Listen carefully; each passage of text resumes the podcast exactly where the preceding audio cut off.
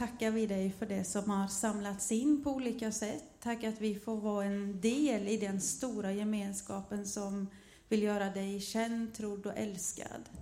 Hjälp oss att använda pengarna på ett bra sätt, Herre, och tack för att du ser varje givare, Herre. Tack att vi får vara med och stötta upp och kroka arm på olika sätt, Herre, för ditt rikes bästa.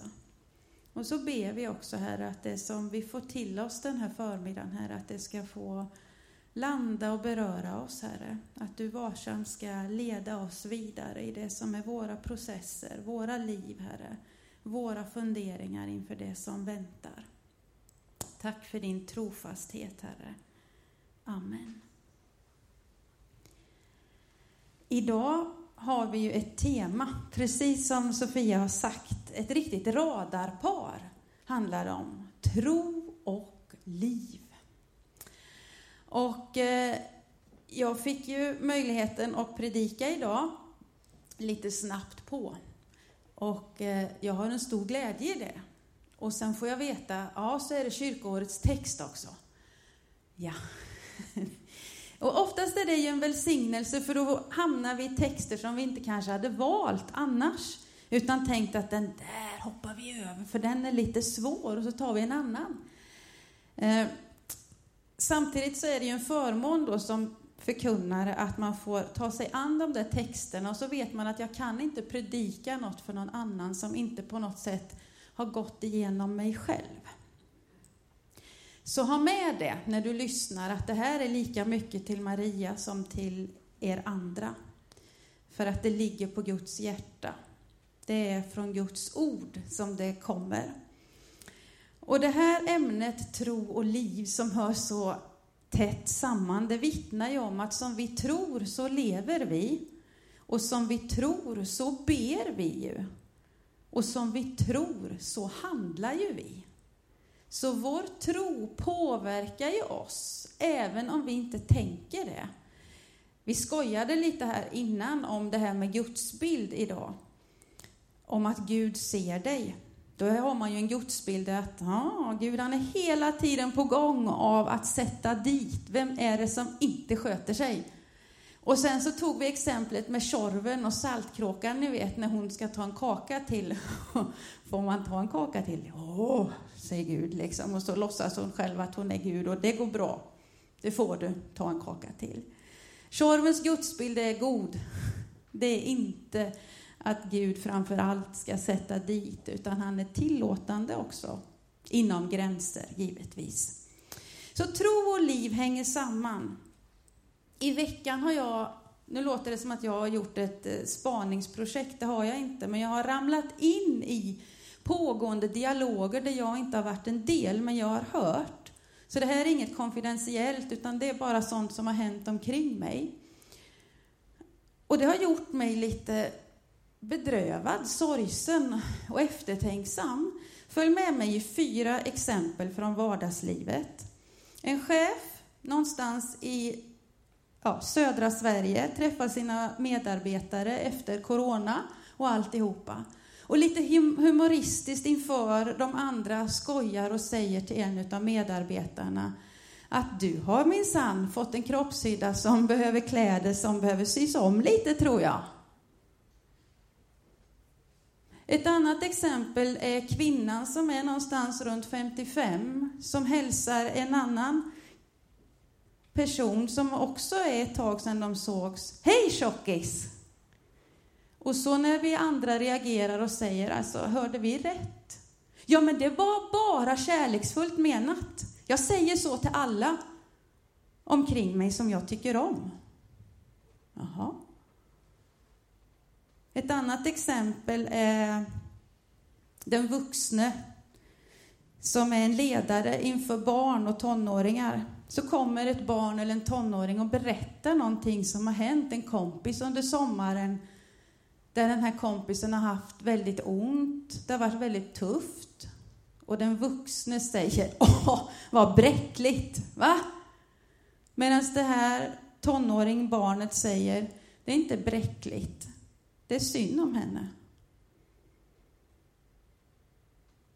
Ett annat exempel är journalisten som berättar att inom yrkeskåren så är det tuffare och tuffare att ta sig fram, vilket gör att människor hamnar i någon slags prestationskramp och ångest.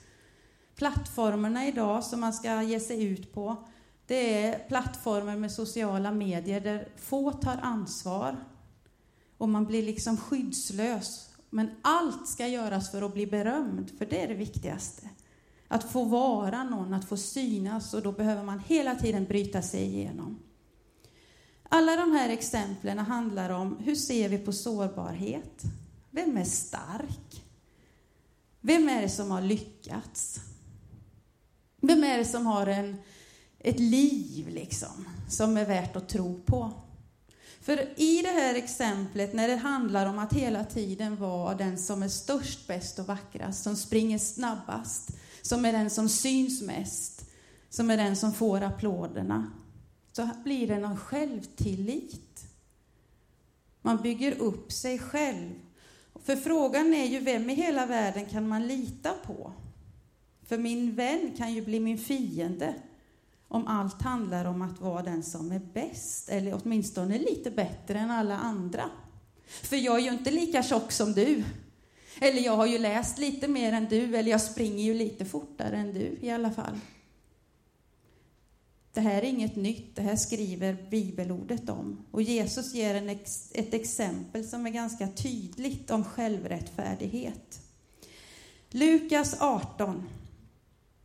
Till några som litade på att de själva var rättfärdiga och såg ner på andra riktade han denna liknelse. Två män gick upp till templet för att be.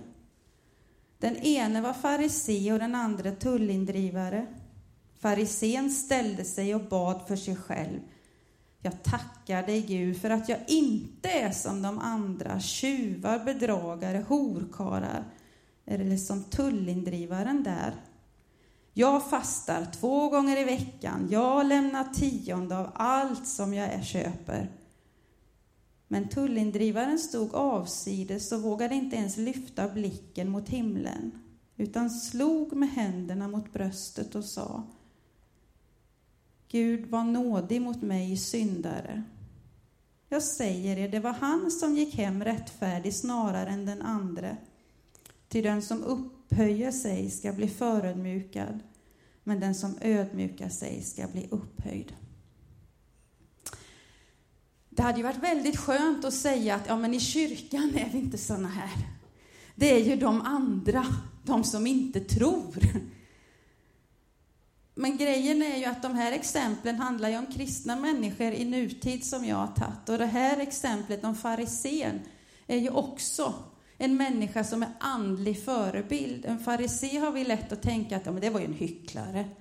Men på den tiden var farisén någon som stod för att den kunde sin bibel. Den visste vem Gud var. Den var en förebild. Och det var denne farisé som ställer sig och riktar sin bön mot Gud men säger jag fem gånger i bara någon få mening. Han är så upptagen av sig själv, trots att han liksom riktar sig mot Gud. Så det här med självrättfärdighet, tro och liv, det handlar inte om dem andra, det handlar om dig och mig. Att kunna förakta människor är tyvärr ingenting som inte går om du är kristen, utan du kan förakta människor också som troende. Och det är det som är så jobbigt att säga. Det är det som är så jobbigt att behöva predika. För det hade varit mycket enklare om vi hade kunnat prata om andra. Men det handlar om Maria. Det handlar om dig. Hur vi ser på oss själva och varandra. Den som ödmjukar sig ska bli upphöjd, säger Jesus. Och riktiga, det finns väl inga falska bönemänniskor, hoppas jag egentligen. Men de som är vana att be, de brukar säga att man ser längre på knä.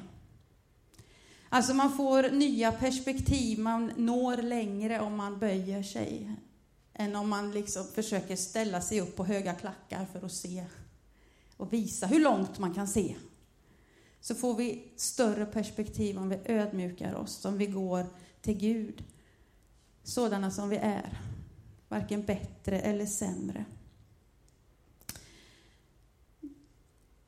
En andaktsbok, det är också så där, och det är väl så kanske när man följer kyrkårets texter, men en andaktsbok som jag har läst i, i veckan står det så här, några meningar ifrån. Dina värderingar är inte vad du säger, utan hur du behandlar människor, hur du bemöter folk, vem du anställer, hur du behandlar ditt barn som vill leka när du kommer hem och är utmattad, huruvida du gör det obekvämt för dig själv för att hjälpa dina vänner, hur du reagerar i en mängd andra vardagliga situationer. Om dina och mina handlingar kunde tala, vad har vi i så fall uttryckt den senaste ja, timman? Kanske inte så mycket vi har hunnit göra än, men senaste dygnet. Om vi skulle summera vårt sätt att handla, vad skulle vi få för summa då? Ja, det vet bara du och det vet bara Gud. Men vår tro hänger ihop med vårt liv. Vem får påverka oss? Vem ger vi vår tillit? Känner ni att det blir väldigt tungt? Flera skulle säkert känna nu att jag skulle vilja gå ut. Den här predikan var inte bra. Men nu är det ju så här att bara för att det gör ont, säger man inom terapin, så behöver det inte vara dåligt. Det kan vara riktigt bra när det, vi går ner ibland och känner efter att så här uselt är det och kan bli. Men vad finns det då för möjligheter? För så är det ju. Har man nått riktigt långt ner, ända i botten, så här eländigt kan det bli med oss. Att vi föraktar andra för att vi har svårt med sårbarheten, svagheten. Då kan vi till och med ta spjärn och så kan vi resa oss upp igen. Om man tänker att man sjunker och sjunker och sjunker. Så nu har vi sjungit färdigt. Nu ska vi ta spjärn härifrån. Vad säger bibelordet då? Vad säger Guds ord? Jo, Guds ord säger att vi får ödmjuka oss. Att Gud alltid lyssnar på den som har ett ärligt hjärta. Som är direkt och som inte försöker väva in sina böner. Ni sjöng ju den här lovsången. Du är på riktigt. Och jag har sagt det flera gånger, men det är så fantastiskt, för här har vi det igen, hur ungdomarna får lära oss som är lite äldre, att vi vill inte ha ytlighet, vi vill inte ha falska ord, vi vill inte ha sånt där som inte är på riktigt. Gud, du är på riktigt. Vad är det som är på riktigt i ditt liv? Är det på riktigt att Gud älskar alla? Ja, då kan väl en del få vara lite tjockare, eller lite slöare, eller lite vad det nu kan vara. Och det är okej. Okay. Guds rike är en motkultur. Vi ska inte bli som världen säger. Vi är inte kallade att se svaghet som något dåligt. I svagheten är kraften som störst, säger Bibeln. En gång när jag jobbade här kom det in en person med ett stort ångestpåslag en morgon. Och vi möttes, det var inte planerat, utan jag fångade upp personen och så fick vi ett samtal. Och när man är i den där situationen, ni vet att livet är otäckt, det är smalt, det är snävt, det är svårt. Vad ska man säga då? Vad är det för gudsbild vi kan ge då? Det är då det är så bra med den heliga Ande, som hjälper oss, som är så intuitiv, som är så nära och som känner både oss som ska försöka säga något, men också känner den som vi ska försöka säga någonting till.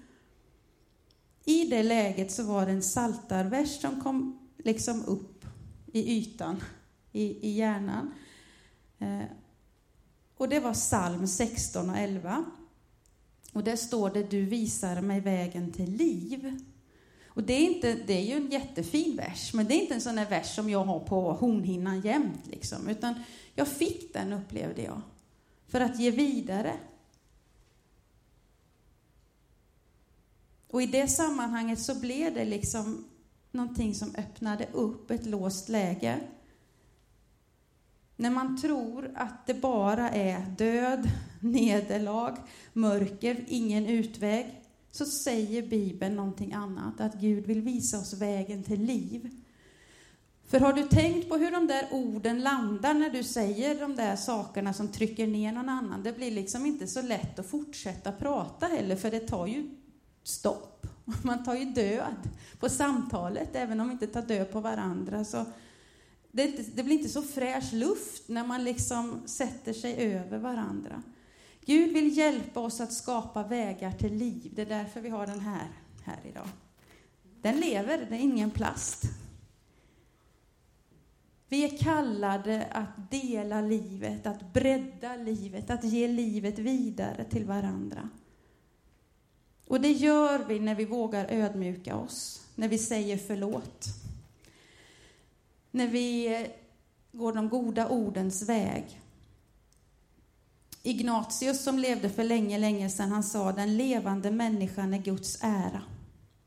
Att vara en levande människa, att våga ta emot livet på det goda sättet, det är att också ge Gud ära.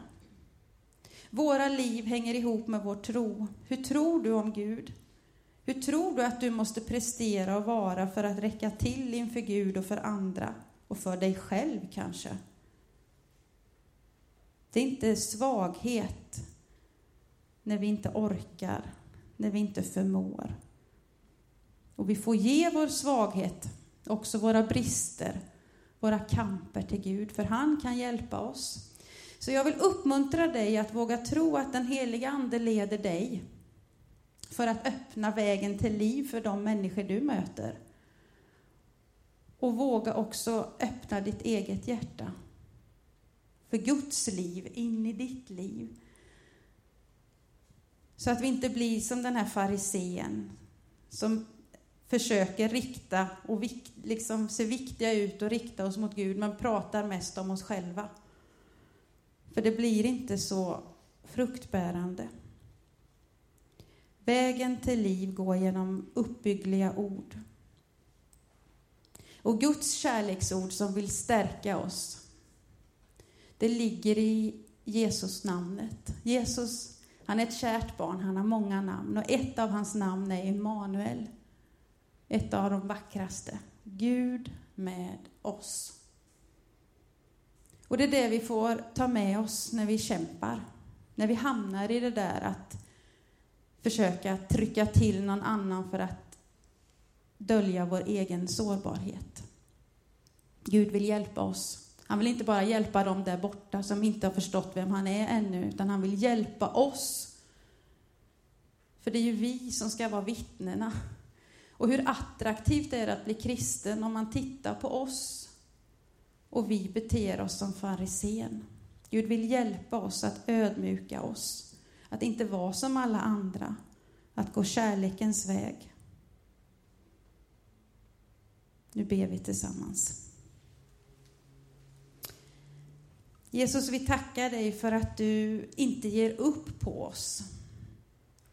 Och de här orden ifrån din liknelse idag, Herre, de är inte så enkla och de kanske berör oss på olika sätt, Herre. Men tack att du vill hjälpa oss framför allt som redan tillhör dig och tänker att vi är en del av ditt rike, att inte bli självgoda, Herre. Hjälp oss att leva ödmjukt, Herre. Hjälp oss att inte dras med i det här konkurrenstänkandet, Herre.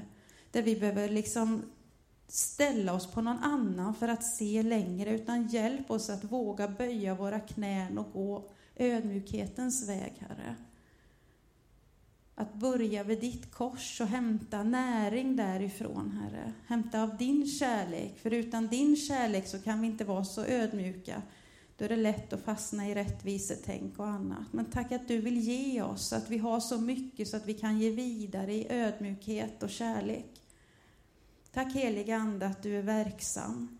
Tack för de där orden som du påminde mig om, Herre, som jag kunde ge vidare och tack att du är densamme för oss alla. Att du kan använda oss när vi möter människor som upplever låsta situationer. Så kan du ge oss nycklar, Herre. Och jag vill be att du ska liksom förlösa oss i tron att vi kan få gå ditt rike liksom, och bredda det, att vi kan få vara en del i det, Herre. Även om vi har varit självgoda, kanske delvis är det, Herre. så vill du ändå använda oss och hjälpa oss, Herre, att bli till nytta och välsignelse om vi ställer oss till ditt förfogande. Så tack att du vill fylla våra hjärtan, rättvända våra hjärtan, Herre, så vi må se dig, oss själva och varandra på ett Kristuslikt sätt, Herre. Och tack att du aldrig överger, utan tack att du är en Gud med oss. Låt oss få bära det för egen del, Herre, och för andras skull, Herre, att du vill inkludera, du vill hjälpa oss att se vikten av att leva i gemenskap, gemenskap med dig, varandra, men också med oss själva. Du vet om det är någon som har ett självförakt, Herre, som är större än någonsin, Herre. Då ber jag om din nåd, om ditt kärleksregn, om din frid, Herre, om din läkedom över den människan, Herre. Tack att du inte föraktar oss, utan du lyfter oss, Herre. Du vill ge oss livet tillbaka, Herre. Så tack för nåd, Herre. Tack för befrielse och tack för förlåtelse i ditt namn, Jesus. Amen.